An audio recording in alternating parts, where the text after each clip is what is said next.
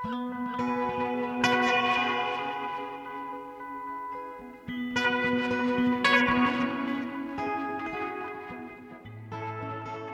og sæl, ágættur hlustendur, Halla og Jóhannes hels ykkur úr hljóðstofu Víðsjár 5. daginn 11. mæ. Í þættidagsins Sapnasapnið, faldbúningar og puntuhangklæði og nýjar rattir forlagsins. Það er alltaf ánægjefni þegar Sapnasapnið á Svalbarströnd opnar dyr sínar í sömar byrjun. Í blíðskaparveðri um liðna helgi tóku stopnendur Sapsins, Níels Hafstein og Magnhildur Siguradóttir á samt stjórn Sapsins á móti fjölda fólks þegar að síningar þessa árs voru opnaðar með pompi og prakt. Í þessu höfuðsafni íslenskarar alþýðu listar er nú enn eitt sumarið hægt að sjá fjölbreyttar síningar ólíkra listamanna í ævintýralegu umhverfi. Við ætlum að slá á þráðin norður í þættidagsins og fá Níels til að segja okkur frá síningum ársins í safnasafninu. Einnig heyrum við í einum þeirra listamanna sem sína þetta árið í safninu, Jenny Karlsdóttur. Jenny er annáluð handverskona sem hefur auk þess að skapa sín eigin listaverk, safnað stóru tekstilverkasafni í gegnum tíðina. Hún ánafnaði safnasafninu nýverið allt safnið og mun þessi gjöf hennar verða kynnt á næstu árum með röð, síninga og fyrirlesturum. Fyrsta síningin opnaði um liðna helgi en hún samanstendur af faldbúningi eftir Jenny úr júrtalituðu gardni og puntuhangklæðum. En það er greipur sem að húsfreyjur saumuð út til heimilispriði og hengdu upp í eldúsi til að hilja óhrein viskustykki. Meira en um það síðar í þættinum þegar við ræðum við Jenny Karlsdóttur. Og í dag er tilkynntum það hver bar segur úr bítum í handrita keppni forlagsins nýjar rattir þetta árið. Hér er ekkert sem sínist, segir aftan á kápu bókarinnar sem kemur út í dag. Undir hverstagslegu yfirborði leynist eitthvað annað. Fólk er í áskrift að öðru lífi á sér skindilega tvífara og draumar rætast eða verðað engum. Andrumsloftið er dularfullt og mörkin á milli veruleika og ímyndunar er oft óljós. Þetta er dularfullt smásagnarsafn sem við ætlum að afhjúpa nánar hér síðar í þættinum og ræða við höfundin. Þar ber á góma áhrif frá Stephen King, Frans Kafka, andvöku nætur og undarlegar martraðir. Meirum þá eftir. Já, en við hefjum þáttin í dag á símtali, norður í Eyjafjörð. Sælvertu Níjals og takk fyrir að taka á móti símtali hér í Vísjá. Já, ekki að fyrir að ringja. Og gleðilegt sumar. Já, sumleiðis, já. Er, það er veður eins og vera ber. Já, ég ætlaði myndi að spyrja að það er svona hefð fyrir því að spyrja á því veðrið fyrir norðan þegar það ringta þangað. er stilt í fyrðinum? Já, já, það er bara blá, blanka lókn og gróðun er spretta upp. Já, hvað með gróðurinn inn í safnasafninu? Það er svo mikið að fallegum plöntum hjá ykkur. Er þau farin að blómstra? Já, við tókuð ákvarðin strax eftir að við eh, hérna, reistum nýtt hús og fengum hann að gefis. Sýnum tíma, 2006, sem við fluttum frá Svalbardstýri, gamla kaufilegið. Það var ákvarðið að þessar blómun hefðu vækið svo miklu aðtíklin í íbúðinu hjá okkar með að við, við síndum það fram í safn líka og þau gleðið, já margir sem haldar einn þar að séu gerður blóm Já, þau eru svo falleg og þau eru næstu í ofalleg Já, það er, það er líka vegna þess að sko að þeir sem var dást mikið af blómum að þeir fara með andlit alveg niður að þeim og anda á þau. Og það er náttúrulega svo þakklátt þannig að blómin breiða á sér. Akkurat. Það er hluti af upplifunin að koma til ykkar það er að njóta þessara blóma og auðvitað síðan allar þessara síninga sem að hafa verið algjörlega frábærir gegnum tíðina og það... Takk fyrir það, svo skemmir ekki lækurinn á garðurinn. Ekki neitt. Það gefur lífinni gildi að það var alveg gróður og svo alveg heiskandi líka á, á sömurinn. Sko, til lukku með opnun... Uh... Já, já, það var mikið fólkstreymi hér. Sjálf það verið fjölment hér á vinnum degi. Já, það eru margir sem býða þess. Eh, það eru auðvitað að loka hjá okkur yfir vetratíman og þið opnið í byrjun sumars og lokið svo aftur á haustin. Þannig að það eru margir sem Já, býða. Já, það er svo mikil vinna, baksísvinna sem engi tekur eftir. Frákongur í sölum og, og pökkun og svo eru alltaf skráningar vinna líka. Einmitt. Þá breyðum við úr okkur og þá heila koma svona, já, mjög sérkjælniða síningar í sölunum. Þeir eru sem að dreif úr okkur. Já. Það er svo marga síningar, það er náttúrulega ekki mjög stórar en það tekur stundur lengri tíma að, að upphugsa og setja upp lilla síning heldur en stóra. Þess að maður þarf að vera mjög nákvæmari og passa sér ekkert uppfyllingarefni eins og oftir í stórum síningum. Það er eins og að skrifa ljóð, það kallar óþarfa í björstu. Einmitt, það eru svona vel eimaðar. Já, þetta er náttúrulega bara gæða viski. Já, einmitt. Búið að mallast lengi í höfðinu. Er... Já, já, það er náttúrulega, við, við erum það mörg, við erum sjöu stjórninni og það er nú allir sem hafa síðan skoðanur á því hvernig ég gera hlutina. Mm -hmm. Þetta er heilmikið batteri. Segðu mér nýjals frá síningum þessa ás, svona ef við einbrum aðeins á stiklum á stóru. Já, við hérna, við breytum að þessu uppröðun hérna fyrir utan, þannig að það sjáist Petur listaríki sem er taka á móti fólki þannig að við erum með eftir verka eftir fimm listamenn úti og síðan er náttúrulega samverðinu stóra sem er eftir hóp listamanna, huglist. Og þar eru Sigriður aðalegir segi Sigriður Einstóttir á, á Siglufjörði og Haugur Haldursson sem býr nú í Þamörku Helgi Valdimarsson sem býr í Garðinum Ragnar Bjarnarsson frá Önduranissi og Ekkert Magnússon Reykjavík. Þetta eru þær myndir sem eru hérna blasa við. Síðan þegar við komum inn í safni þá vorum við síningum sem að það sem við tekið er, er fjölskyld, er fjölskyld og vinir og það eru verk eftir hérna bötan í valsaskóla hérna í refnum og uh, síðan tvo aðra höfðing, tvo höfðingja, það er Helgi Þórsson Reykjavík og, og síðan Guðjón er, er Sigursson sem er nú látið frá Fagurlósmýri bjóð lengstað í Kanada. Svo erum við minningusýningu við Pálma Kristinn, verkefður Pálma Kristinn Arskrimsson sem að skar út við eldursporðið aðalega með tókanýf og teikna með tóstekningum. Þetta er að hluta til versið með kiptum aðarum en líka gjöf frá honum og fjölskyldu hans eftir að hann lést 2015. Önnur stór gjöf og merkileg er eftir Hjalmar Stefánsson frá Smirlebergi, bjólingst á Blöndósi. Það eru máluverk sem eru sem er taka alveg heilan sal reyndar að sagt þannig að það er ekkert, ekkert málverk á veggjunum Já. þetta er búið til líkan svona mjög stílisera líkan af Smirtaberginu sem, sem var þarna heima bæ hans og málvikinn eru heind á það eins og klittabeldi þá voru við líka með stóra innsetningu verkum með Nonna Ragnar sem var sem var 2019 hann var dansari og var með svo kallar svett Einmitt. í garðinum. Þekktur hér í Reykjavík? Já, í, já, í Reykjavík, já. Og uh, Safni fekk þetta fyrir nokkrum árum og, uh, og núna var gerð stóra mikil einsetning fjöl, fjöl, fjölbreytileg. Ég var búin að minnast að Jenny Karlsson-stóttur, það er, hún síni hérna sína faldbúningin hennar, stólklæsilegan og síðan úr uh, er blandað saman úr þessari stofi út sögmuðum eldhúshengjum, svona puntuhenglaðum og síðan útsynsverkum og torstunsblöttum eftir Sísi Ingolstóttur í Reykjavík. Það er ungkona sem er, hefur gert svolítið því að búið til verð það sem hún er afsaka, afsaka ég skulle verið til að, og svo framvís. Í bókastofun eru við með viðarform alls konar eftir Stefán Tryggvarsson Sigriðarsson á fórustuðum hérna á Sálfastundinu, hann er mikil vinnur okkar og, og lanar okkur plási undir fjargeinslu. Síðan eru hérna þrjá síningar í röð þar sem er Klemis Hannigan, hann er í Hatari í floknum, aðalsprutan, og er með viðarskúltúra. Svo er hérna hjónasíning, það er Guðmundar Ármann og hans dóttir á Akureyri sem að sína ljósmyndir og tókskurð. Og svo sína saman Anna Hallin og Olga Bergmann keramik viðarverk og Brynildur Þorkistóttir er svo með síðustu sýrikur í nefni og það er, er gler, steift litað gler eða blásið. Þetta er ótrúlega fríður flokkur og margar síningar, það er ekki skrítið að þau þurfa að taka ykkur hérna að loka við veturinn. Já, þetta eru tólf síningar og Já. við leggjum miklu áherslu á handverkið og þrykki, ljósmyndun, alls konar viðar eh, aðferðum, útsaumi Einmitt. og fleiru þannig að já, við erum ánað með þetta.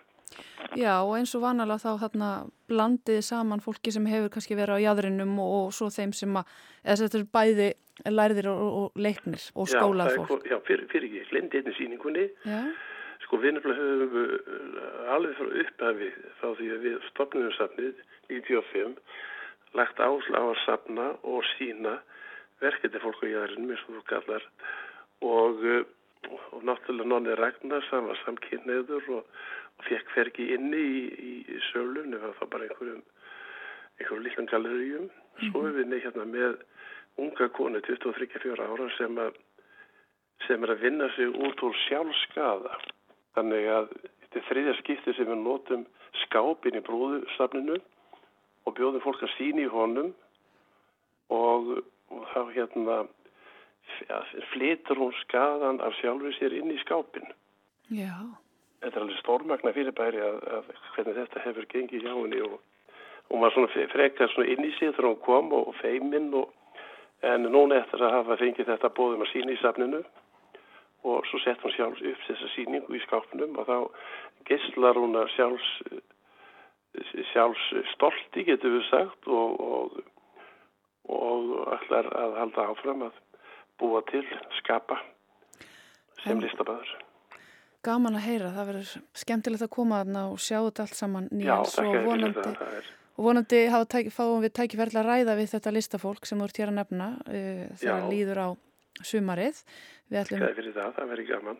Það er einmitt gaman líka hvernig þið sko, myndi oft samtala á milli sagt, fólks og, og ég sé fyrir mér þó ég sé nú ekki búin að koma og heimsækja ykkur að það sé eitthvað samtal í gangi á milli Jenniar og Sísjar Já, það er náttúrulega Þetta eru báða listakonur og, og, og þetta er allt mjög kvenlegt, ég getur sagt sem svo, það hefðar stert inn á þann veng. Báðar að vinna með útsaum og, og þessa kvennamenningu? Já, við leggjum miklu áherslu á, á hana og alveg frá upphæfi þá var, sko það má segja við hefum tekið sko ákveðið fórskot. Er fyrsta síningin sem var opnið hérna 1998 það var svona steit, það var statement að það leitinu til að þá voru að það setja upp á veggina alls konar e, útsöma vefnað til þess að leggja áherslu á þetta hef, hefði ekkert notagildi lengur heldur eftir að horfa á, á kunstina sem að fælist í þessum verkum. Akkurat, einmitt. Við erum aðeins farin að læra það betur held ég í dag. Já og, og svo bara segja, segja frá því að, að konur hafa alltaf verið meira hluta í stjórnsafnins Já, til haf ekki með það. Herði Níels, ég ætla að kvæði það sinni. Við höldum áfram að heimsækja ykkur hér í Vísja og takk fyrir spjallið og bestu kvæðir til ykkar og, og blómana bara. Já, ekki alveg fyrir að ringja.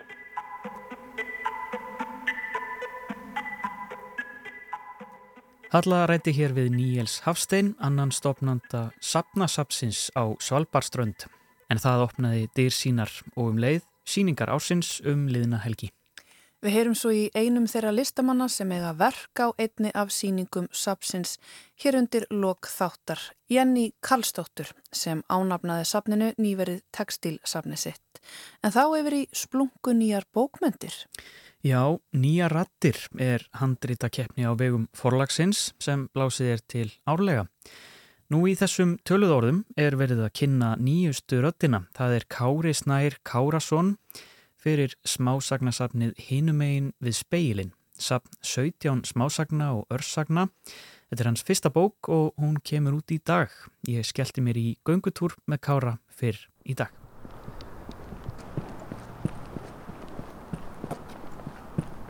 Við erum komin á röldið með honum Kára S. Kárasinni Hann er ný rödd forlagsins. Bókin hans, smásagnasafn, hinum með við speilin var, var valinn í þessum velunaflokki sem eh, besta bókin. Sælkári og til hamingju með þessa nýju og fínu bók. Já, blessaður og takk hjálpa fyrir. Við ætlum að rölda hérna aðeins og eh, hlusta á föglasöng og, og njóta veðublíðunar. Mér langar aðeins að spurja þið út í sko, þú kemur úr tölvunafræði. Já. Og þú ert forritari, forritar vefsjur, þú er unnið hjá veðurstofunni mm -hmm. og nú ert að gefa út bók. Þetta Já. er rosa skemmtileg og svolítið óvænt blanda. Hvernig, hvað fekk þið til að byrja að skrifa sögur? Sko ég hef skrifað sögur nokkur neginn allar minna æfi frá því ég var úlingur og, og jafnvel aðeins undan því sko. En uh, það var aldrei verið mikið í svona kannski forgangi hjá mér. Náttúrulega bara erfitt með einmitt námi og, og vinnu sem fóröldari. En það var eitthvað bara við að í fyrra sem voruð fór ég á námskeið hjá henni Sunnudís Mástóttur. Það var komið klálega í gýrin og var mjög lært og svikt. Sveikaskáld? Já, nákvæmlega, nákvæmlega. Uh, og svo um hausti sá ég auðlýsinguna fyrir, fyrir nýja rattir og svona oftast áður hefði ég held ég bara svona leitt þetta hjá mér og hugsað að þetta myndi taka mikið tíma, var ekki kannski beint fyrir mig. En það var eitthvað sem að let mig kíla á þetta og allan að reyna og það var, já, til dæla stuttu tími þá fyrir stefni, það var einn og hálf mánuður í skil, þannig ég gerði lítið annað en að skrifa, kóða í vinnunni og svo skrifa skálskap þegar ég kom heim og einhvern veginn tókst þetta uh, sem alltaf bara alveg frábært og svona trúði ég allavega en þá. Einmitt. Er hérna eitthvað skýr svona lína á milli, skrifa kóða og skrifa skálskap? Þetta er náttúrulega alveg stór munur á, en ég held að myndi kannski koma mörgum óvart hversu mikið hugmyndaflög þarf í að skrifa kóða og kannski myndi að koma fóröldurum óvart hversu mikið aga þarf í að skrifa skálskap.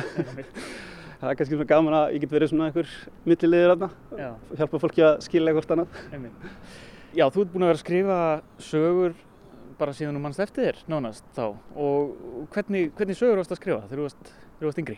Sko þegar ég var úlingur þá fannst mér cool að skrifa ennsku uh, og held einmitt að þú veist ég las mjög mikið á ennsku eða bara á ennsku þá mest Stephen King og þess vegna langaði mig að apa eftir hans stíl og, og, og skrifa sögur á ennsku og gaf einmitt fjölskyldunum minni þrjár smásögur í, í jólagjöf eitt árið sem voru á ennsku Svo nokkur málum eftir það fór ég að færa mig yfir í íslenskuna, áttaði mig á því að það væri kannski bara skemmtilegra og svona meiri þá tenging við svona samfélagi kringum mig.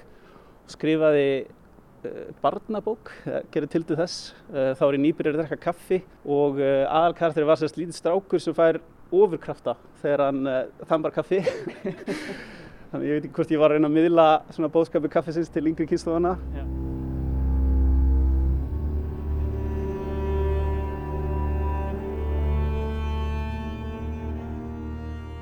Ef við dempum okkur bara í þessa nýju bók. Já.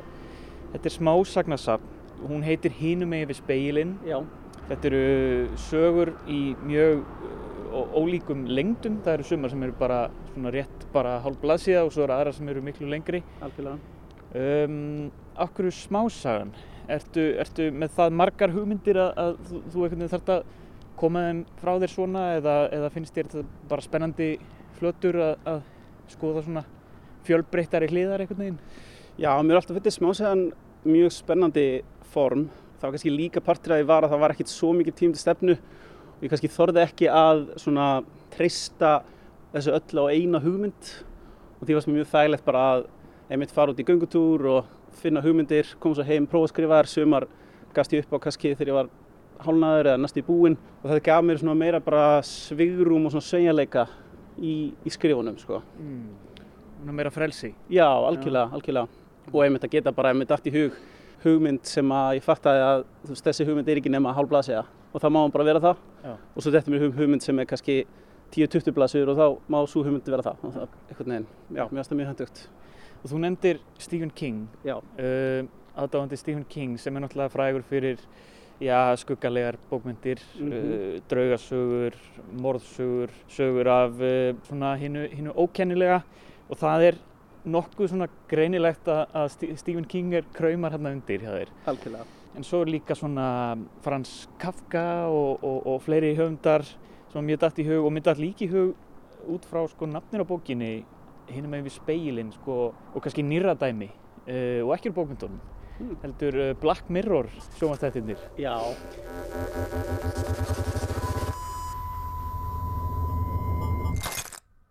Þannig er einmitt svona raunveruleikin mætir einhverju svona rosalega draumkendu eða óhaugnarlegu. Af hverju ertu með svona Akkur skrifar þið svona? það er mjög góð spurning.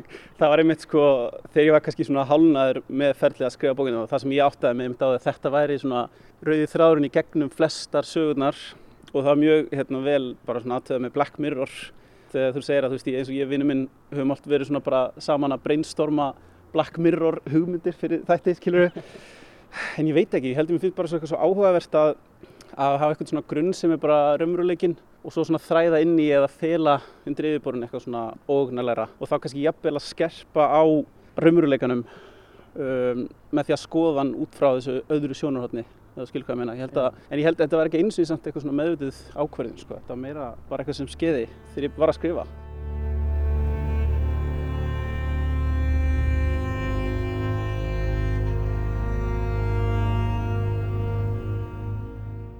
Skrifar á nóttinni?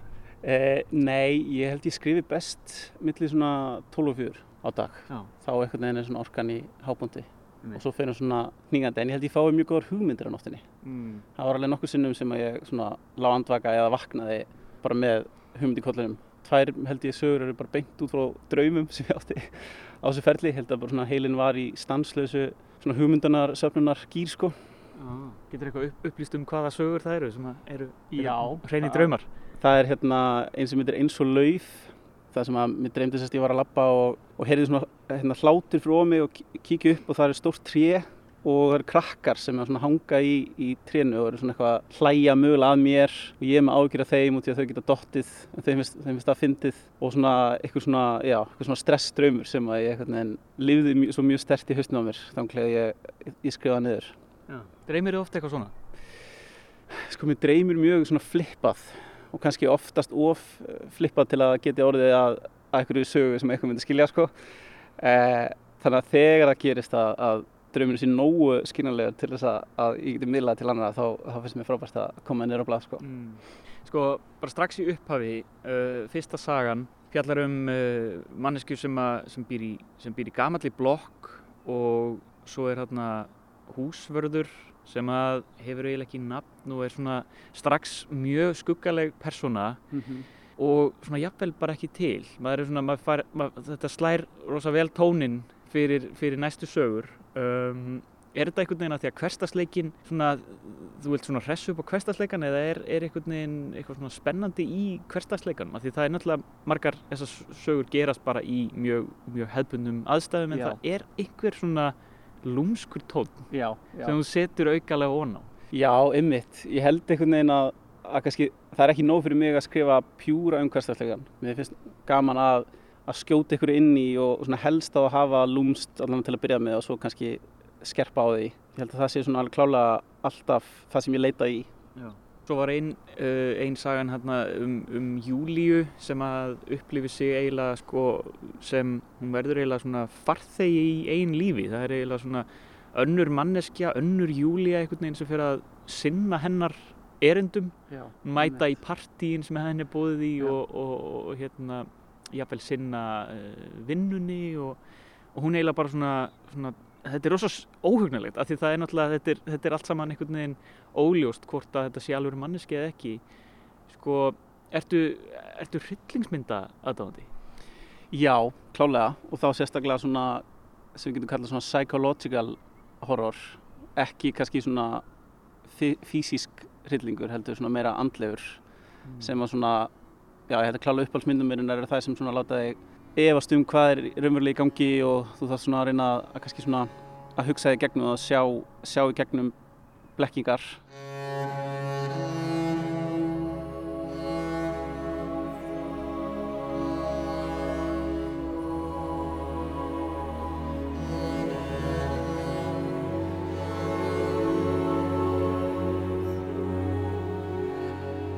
Hvernig, já, hvað finnst þér um þetta að vera valinn e, nýjum röddum? Hvað eru nýja raddir í þínum huga? Já, þetta er náttúrulega bara alveg frábært og al algjör heiður og bara svona traustið sem að dómnefndin og, og forlæðið sýnir mér er alveg bara mjög svona mjög ánægilegt einhvern veginn að, að finna fyrir sko Mm -hmm.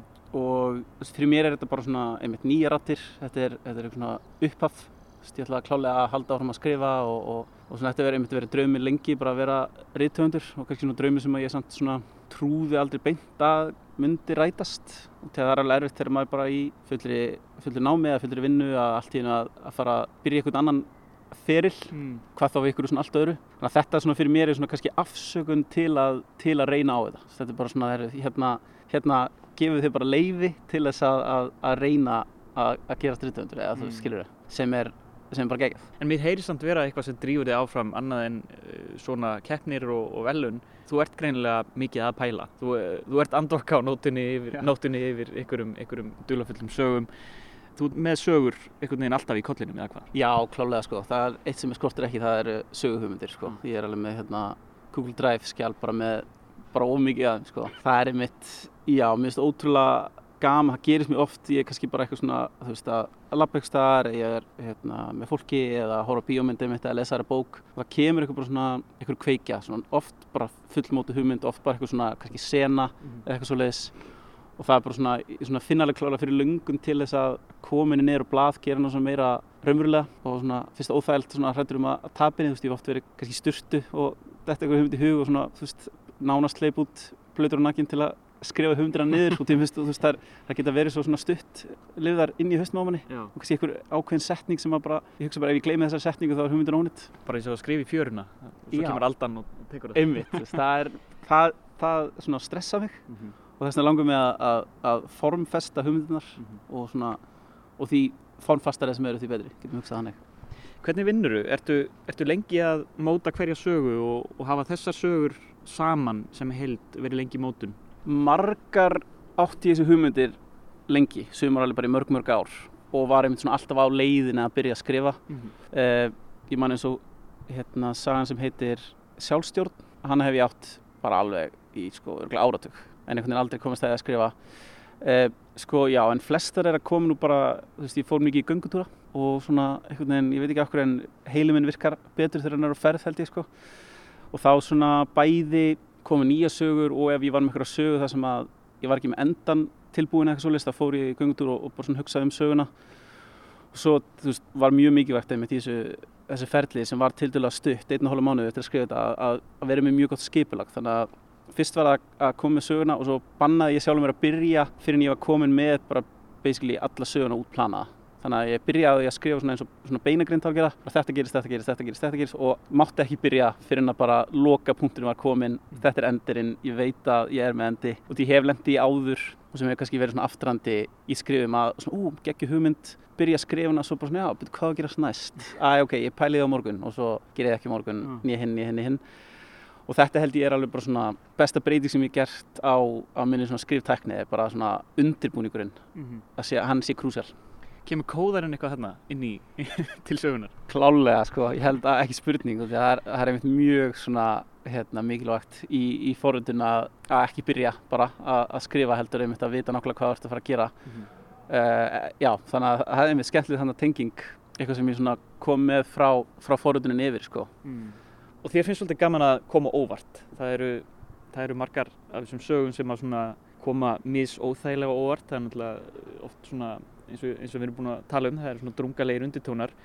Og, en þér finnst gaman að koma með svolítið svona plot twist. algjörlega, Já. elska gott plottið sko og svona oft jafnvel byrja að fá svona saminskupið að, að svona að vera setið ómikið á plottist eða þú veist, ég er bara svona eins og svona háður því að, að, að hérna, stingin plottistum og hugsaði svona, þú veist, hún er góð en ef það væri eitt plottist í viðbót, þá Já. væri hún fullkomin sko sem að, já, vonandi skila sér til lesenda sem eitthvað góð hluti sko Hvað er, hvað er svo bara framöndan hjá þér? Ertu ekki hérna að fara að fagna þessari, fagna þessari bók og, og hérna, hún er að koma út og allt að gerast? Jú, heldur betur. Hún kemur út í dag, uh, útgáfuhóf á eftir á, á fiskislóð og uh, það verður bara geggjað, náttúrulega bara alveg algjörlega nýtt fyrir mér allt saman. Mhm. Uh, bara búin að vera að leggja ræðin á minnið og, og, og velja hvaða sög ég á að lesa og svona. Já. En svo eftir þetta er það náttúrulega bara að halda orðum að skrifa. Ég er svona með, með skáldsögu hausnum. Mér langar svona að einhvern veginn, þess að nú er ég búin að skrifa 17 smásögur eða OR-sögur. Þannig að mér langar svona að taka þetta á, á næsta stig og prófa að skrifa skáldsögu sem að hræði mig alveg. Sérstaklega mitt, þá er svona, þarf maður að einblýna okkur eina hugmynd í langan tíma staðan fyrir fullta hugmyndum. Þú getur ekki haft endalist á plot twistum í henni? Nei, já, Svona seg, seg fljótandi? já kemur í ljós hvað sem eru plottist í næja tróðin í hana, sko. Viltu kannski lesa smá úr bókinni? Já.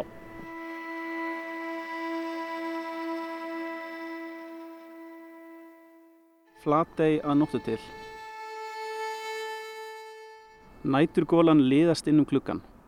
Hún vekur mig upp af værum svefni og byður mig að koma með sér út. Ég tippla á tánum. Það brakar lítilega í gömlu gólfjölunum og steipun út af palli er hrjúf og köld undir iljum mínum. Ég stíg út af grasið, fikra mig óhrættur alveg að klettunum, sest niður og lefi fótleggjunum að hanga í lausu lofti fyrir neða mig. Hátt fyrir ofa mig, úti yfir sjónum, blasir tunglið við og glæðir nóttina hlýju blái ljósi. Það tala við mig í gegnum endurspeglum sína sem glitrar á öldum hafsins. Rís með þeim og fellur. Orðin berast með bárunum, lenda á klettanum fyrir neðan húsið og skvettast þaðan upp til mín. Þau eru notalega hlý. Tunglið segir mér að bráðum þurfi ég að fara aftur inn að sofa en að ég skuli fyrst njóta hlíunar í smá tíma. Hún muni endast mér lengi. Hjarta mitt hægir á sér þar til slög þess koma inn og fjara út í fullkomnu samræmi við öldurna fyrir neðan. Allt annað í kring verið standa í stað, frosið í þessu eina augnabliki. Tunglið segir að þegar ég finni hjartað aftur byrja að slá úr taktið hafið skul ég ekki örvænta. Það eina sem ég þarf að gera er að koma aftur hinga á fundtess þegar allt annað í heiminum sefur.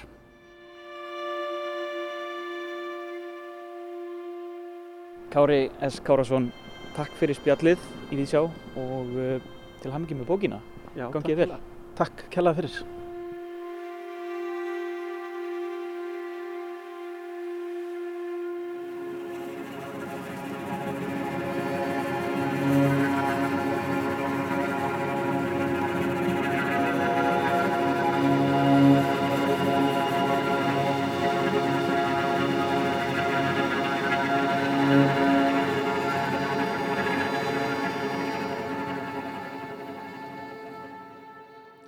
Smá tónar úr smiðju Hildar Guðnadóttur úr kvikmyndinni Joker.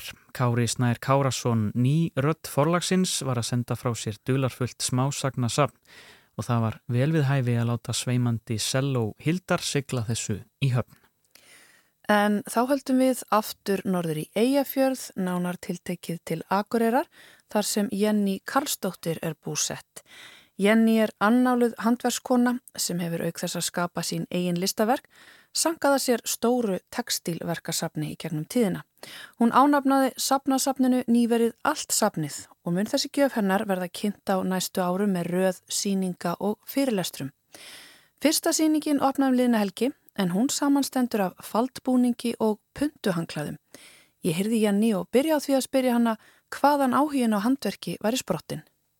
Fóreldra mínu voru bæði handverksfólk, þannig að ég ólstu fyrir handverk og listir því að e, mamma var mjög listfeng, hún bæði málaði og mótaði og e, hún var þar að auki, semst að já, handverksmanniski, hún var, hafiði farið til Noregs, ung kona 25 ára gömul og lærði þar þar sem kalla var körfu möblu smíði. Já. Við myndum kannski skýra það út sem táa húsgögn núna. Einmitt, hvaða tíma eru að tala um þegar hún er að fara út þá? Hún fer, eh, fer 1925. Merkilegt, hvernig kom það til? Það, ég veit það ekki. Ég uh, er mikið búin að spökluð í þessu en uh, hún dó ung, dó rúmlega 50 og þau bæði fóreldra mínir og þá er ég, ég er 14 ára þegar hún deyr og það er náttúrulega svo margir búin að maður sér handabökinn því var ég ekki búin að spurja þessu. Einmitt. Þannig ég, ég veit það ekki hvort það var eh, einhver útrá eða hvað. Jú, auðvitað hefur það verið það. Já, manni finnst allavega merkilegt að kona á þessum tíma skulle hafa farið ung til Noregs í þetta nám. Já, og ég veit semst ekki hvort að hún fór til að læra þetta eða hvort að þetta var það sem henni bauðst, þannig hún gæti að hluta til verið á kaupi og séð fyrir sér líka.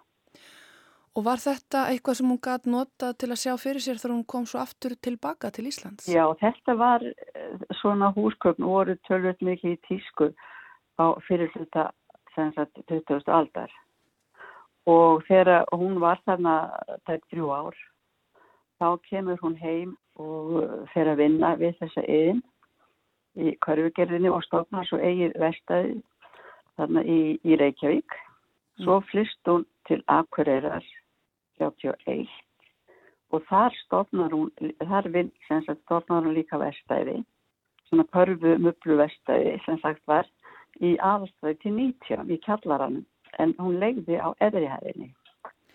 Hún hefur aldeilis eh, sjálfstæð og drífandi kona. Já, mjög.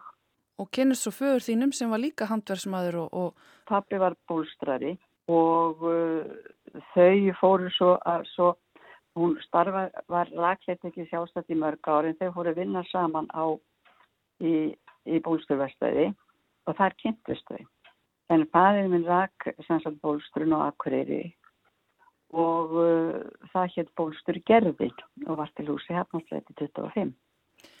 Þú ert sannlega alin upp við, við mikla handverksmenningu.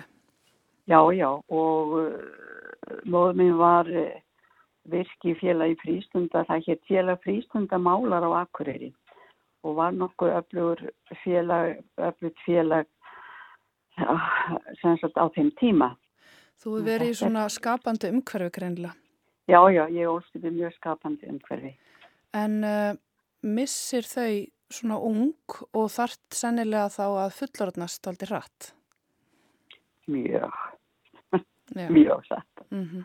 Ég var einbyrni og, og hérna, já, já. Mm -hmm. En hvernig kom það til að, að þú einbyrðið svona sérstaklega að hannirðunum? Það er bara einhvern veginn kom að sjálfu sér. Ég er náttúrulega fyrir snemma að búa og eiga börn og uh, þá daga þá þurfti maður bara að uh, vinna hlutina sjálfur. Það þurfti að sauma og þjóna og búið og annað þá voru ekki búðir sem maður ekki til að fara að kaupa född. Það er mestarlega menn gátt í keitt efni og svo er mann bara að bjarga sér. Einmitt. Við erum að hugsa í dag að við höfum engan tíma og mann verður að hugsa til þessa lífs sko þegar, þegar allir auka tíma, allir frítími fór í þetta og ég get ímynda mér þá að það sem að þú varst útífinnandi með mörg börn að já, allir kvöldin hafi það ekki bara farið í þess, þessa vinnu eða hvað? Jú, þau tegðust nú dálti langt undir fram á nóttina. Náttúrulega þegar maður lítið tilbaka þá skilur maður kannski ekki því hvernig óskopunum maður kom því verk sem maður kom í verk. Heimitt. En fólk eru auðvitað misjamt og, og sumir heitlast á þessari vinnu og meðan aðrir ekki en þú hefur lagt mikla áherslu og greinlega notið þess að, að fá ykkur útrás fyrir sköpunina á þessu sviði? Já, alltaf að vinna, já, að vinna með hendunum. Það var, það var afskaplega og að lífi hjá mér. Þú hefur alveg sérstakann áhuga á munstrum og munsturgerð, ekki satt? Já, ég eh, man eftir því að vera að skoða munstur og horfa á þessar línur og sjá hvernig það röðuðist misjaflega saman og úrvarð munstur og uh, kannski hefur það verið kveikjana því að ég fór að sapna munsturinn svona það var ekkert sko það var ekki ásetningi af ásetningi. Þetta bara þetta bara einhvern veginn var svona. Já, var svo að þessu mikla gagnabanka sem að nú er til. Já, alveg ótrúlegt. En ég hef alltaf haft gaman svona velta fyrir mig línum og sérstaklega finnst mér gaman á, á haustin þegar þeir byrja að snjóa að sjá hvernig línurnar í fjöllónum taka á sig ótrúlega myndir og líka þeirra trénferðla lauðin að sjá hvernig tréf stendur eftir nakið og allar það línur sem þá kom í ljós. Emmi, þannig að þú ert aldrei að horfa til náttúrunar eftir innblæstri? Já, ég hef alltaf tíð verið mjög svona ég myndi segja hjartengt þannig að eh, já, vera, vera úti og, og horfa á munstrin í smáu munstrin, með litlu munstrin á, á steinunum og svona. Já. það hefur mikið til mikið sér til bara að horta. Og svo bara hlóðust þessi munstur að mér. Svo fór fólk að spyrja mig okkur munstur að þessu við þínu og uh, úr því var svo að ég endaði með því að ég fór að taka bara saman munstur hefti og uh, ég vann þetta mjög einfaldan hátt ég uh, sá að bókaútgáfa myndi nú verið eitthvað myndi verða mér algjörlega óviða en þannig að ég bara vann þetta heima ljósítræði þetta og uh, hefti saman.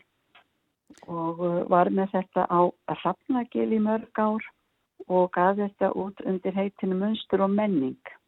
Og ég endur útgaf líka nokkrar af okkar eldstu hannirabókun og mér finnst það algjöru gullmólar eldsta íslenska hannirabókin kemur út 1886 uh, og það eru þrjár konur sem gefa hann út þannig að hlutverk hvenna hefur nú já, verið ansýttir út í gegnum tíðun og ekki kannski með til nú Nei, heldur betur ekki. Það má alveg segja að þarna liggi stór hluti af sögu hvenna.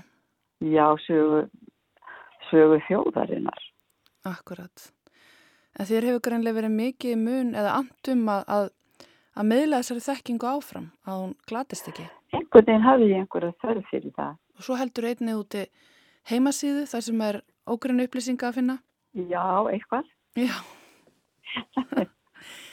Það er eitt hérna, Janni, sem er svo áhugavert og það er svona að veltaði fyrir sér hvernig, hvernig þessi þekking flýtur áfram og hvernig þessi munstur hafa svona ferðast á milli gegnum tíman.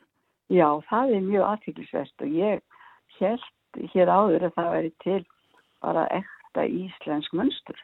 En svo þegar maður fer að skoða betur þá er nú bara eiginlega íll mögulegt að tala um landamæri þegar munstur eru annars vegar. Áhugavert. Við fáum þetta sem sagt mikið til frá erlendis frá. Það tímariti, danska tímariti þannig svona sem að kom út og fluttist hingað. Það var algjör hugmyndabanki og uh, maður þarf ekki að fara inn á minnjasöfnin. Þá sér maður hluti sem að maður veit hvaða munstrin komu. Þannig að konur hafa nýtt sér þessi blöð sem grunn og innblástur til sköpunar til að þróa kannski eitthvað áfram líka. Já og meirinn konur því að þarna var uppskrittir að alls konar smíðagripur. Já. Og ég segi stundum í gríni að það var ekki til það sem ekki var hægt hér áður fyrir að læra upp úr famisjónar.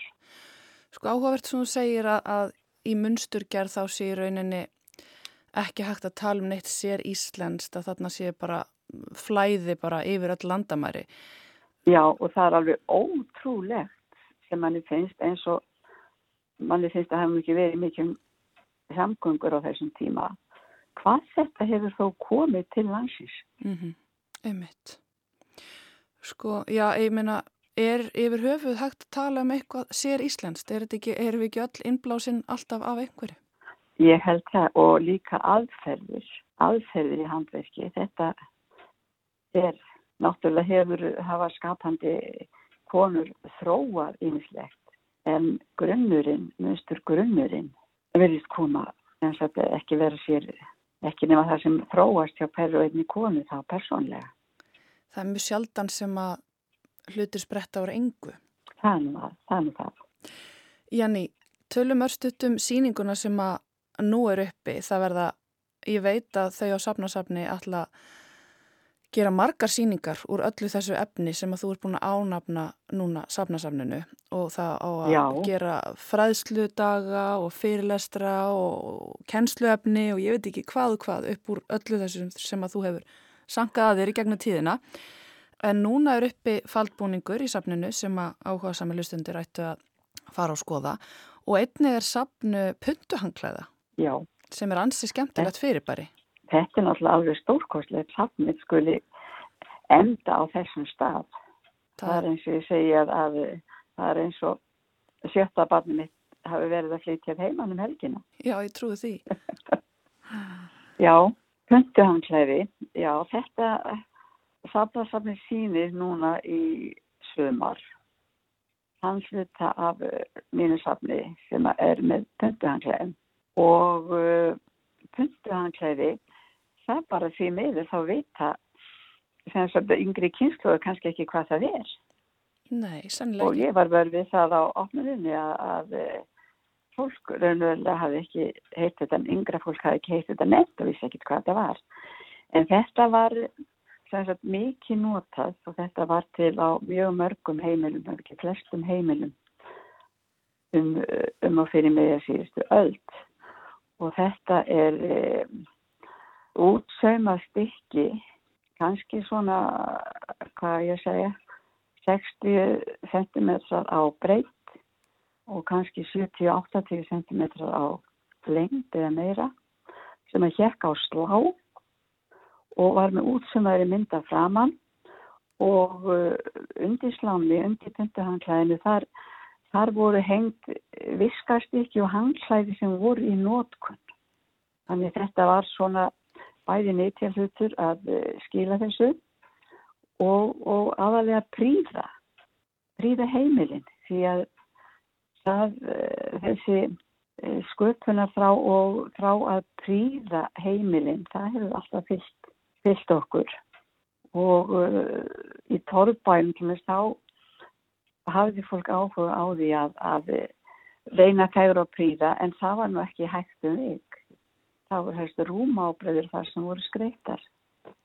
En þegar húsankynnin fór að batna, þá brugum við á þetta ráð að hengja puntuhangklæði en ég hengja viskastíkinu hangklæði upp og hafa puntuhangklæði fyrir framann með fallir í minn og gætnan skemmtilegum áleitsunum líka eins og góður brauturinn gæskan og, og uh, kaffið svo per indæð ler eða eitthvað svoleiður þetta þetta var, þetta er mjög, mjög gaman að þessu þessum þætti því að þetta er eitt af því sem er farið Já, einmitt. En uh, er þetta, sapn, er þetta þín eigin puntuhanglaði eða er þarna að finna sapn annara, annara heimilega líka? Nei, sko, sapnið mitt samanstendur fyrst og fremst af því sem að mér hefur áskotnast og ég hef eignast og keift á mörguðum.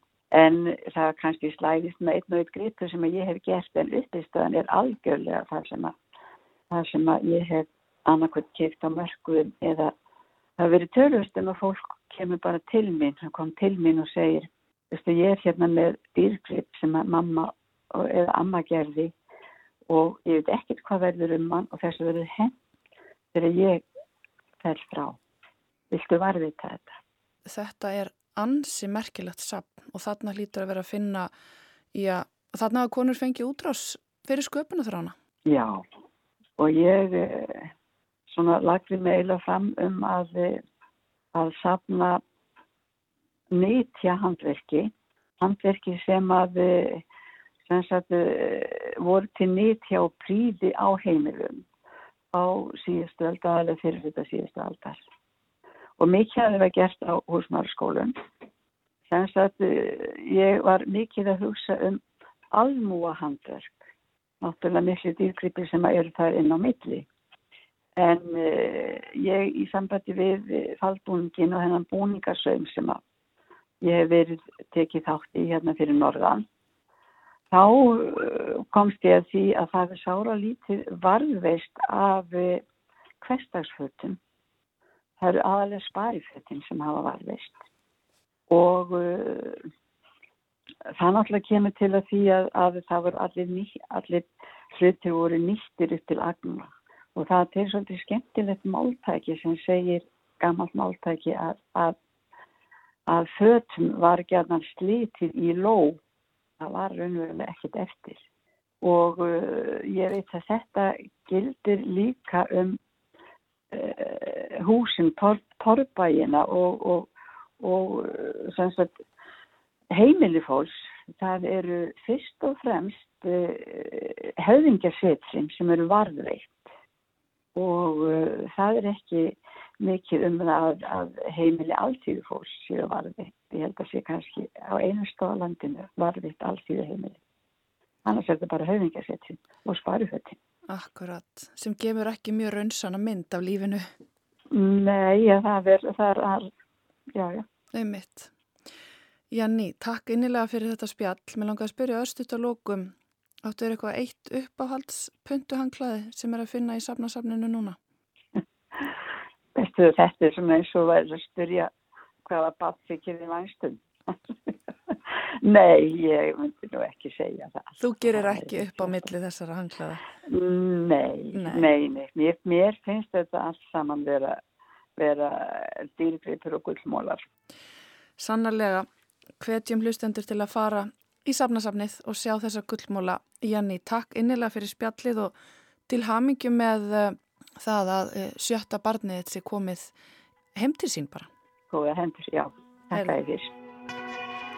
Jenny Karlsdóttir sæði hérna frá handverks áhuga sínum og textilverkasafni. Það verður gaman og áhugavert að sjá allar þessar síningar sem opnuðum liðnahelgi í Sapna Sapninu. Já, Jóhannes, við þurfum að drífa okkur norður, það gefur auga leið. Heldur betur. En fyrst við erum stött í eigafyrinum, likur beint við að setja hljómsveit Ingimars Eidal á fónin. Við ætlum að enda við sjá á læginu Sumar Ást, upphálega Summer Wine eftir Lee Hazelwood. Það eru Helena Egilstóttir og Þorvaldur Haldorsson sem syngja og þetta var hljóðritað hér í Ríkisútarpuna árið 1968. Það er hellings sumar í þessu, við endum á sumar ást, veriði sæl.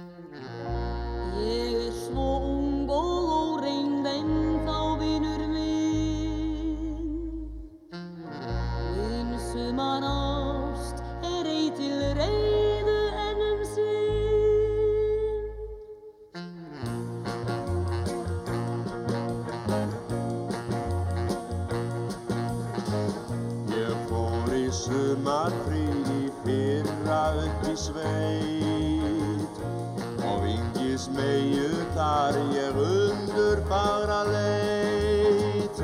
Hún mælti orð sem eigur hug mér munum ást. Mitt hjarta söng hún er þín sumar ást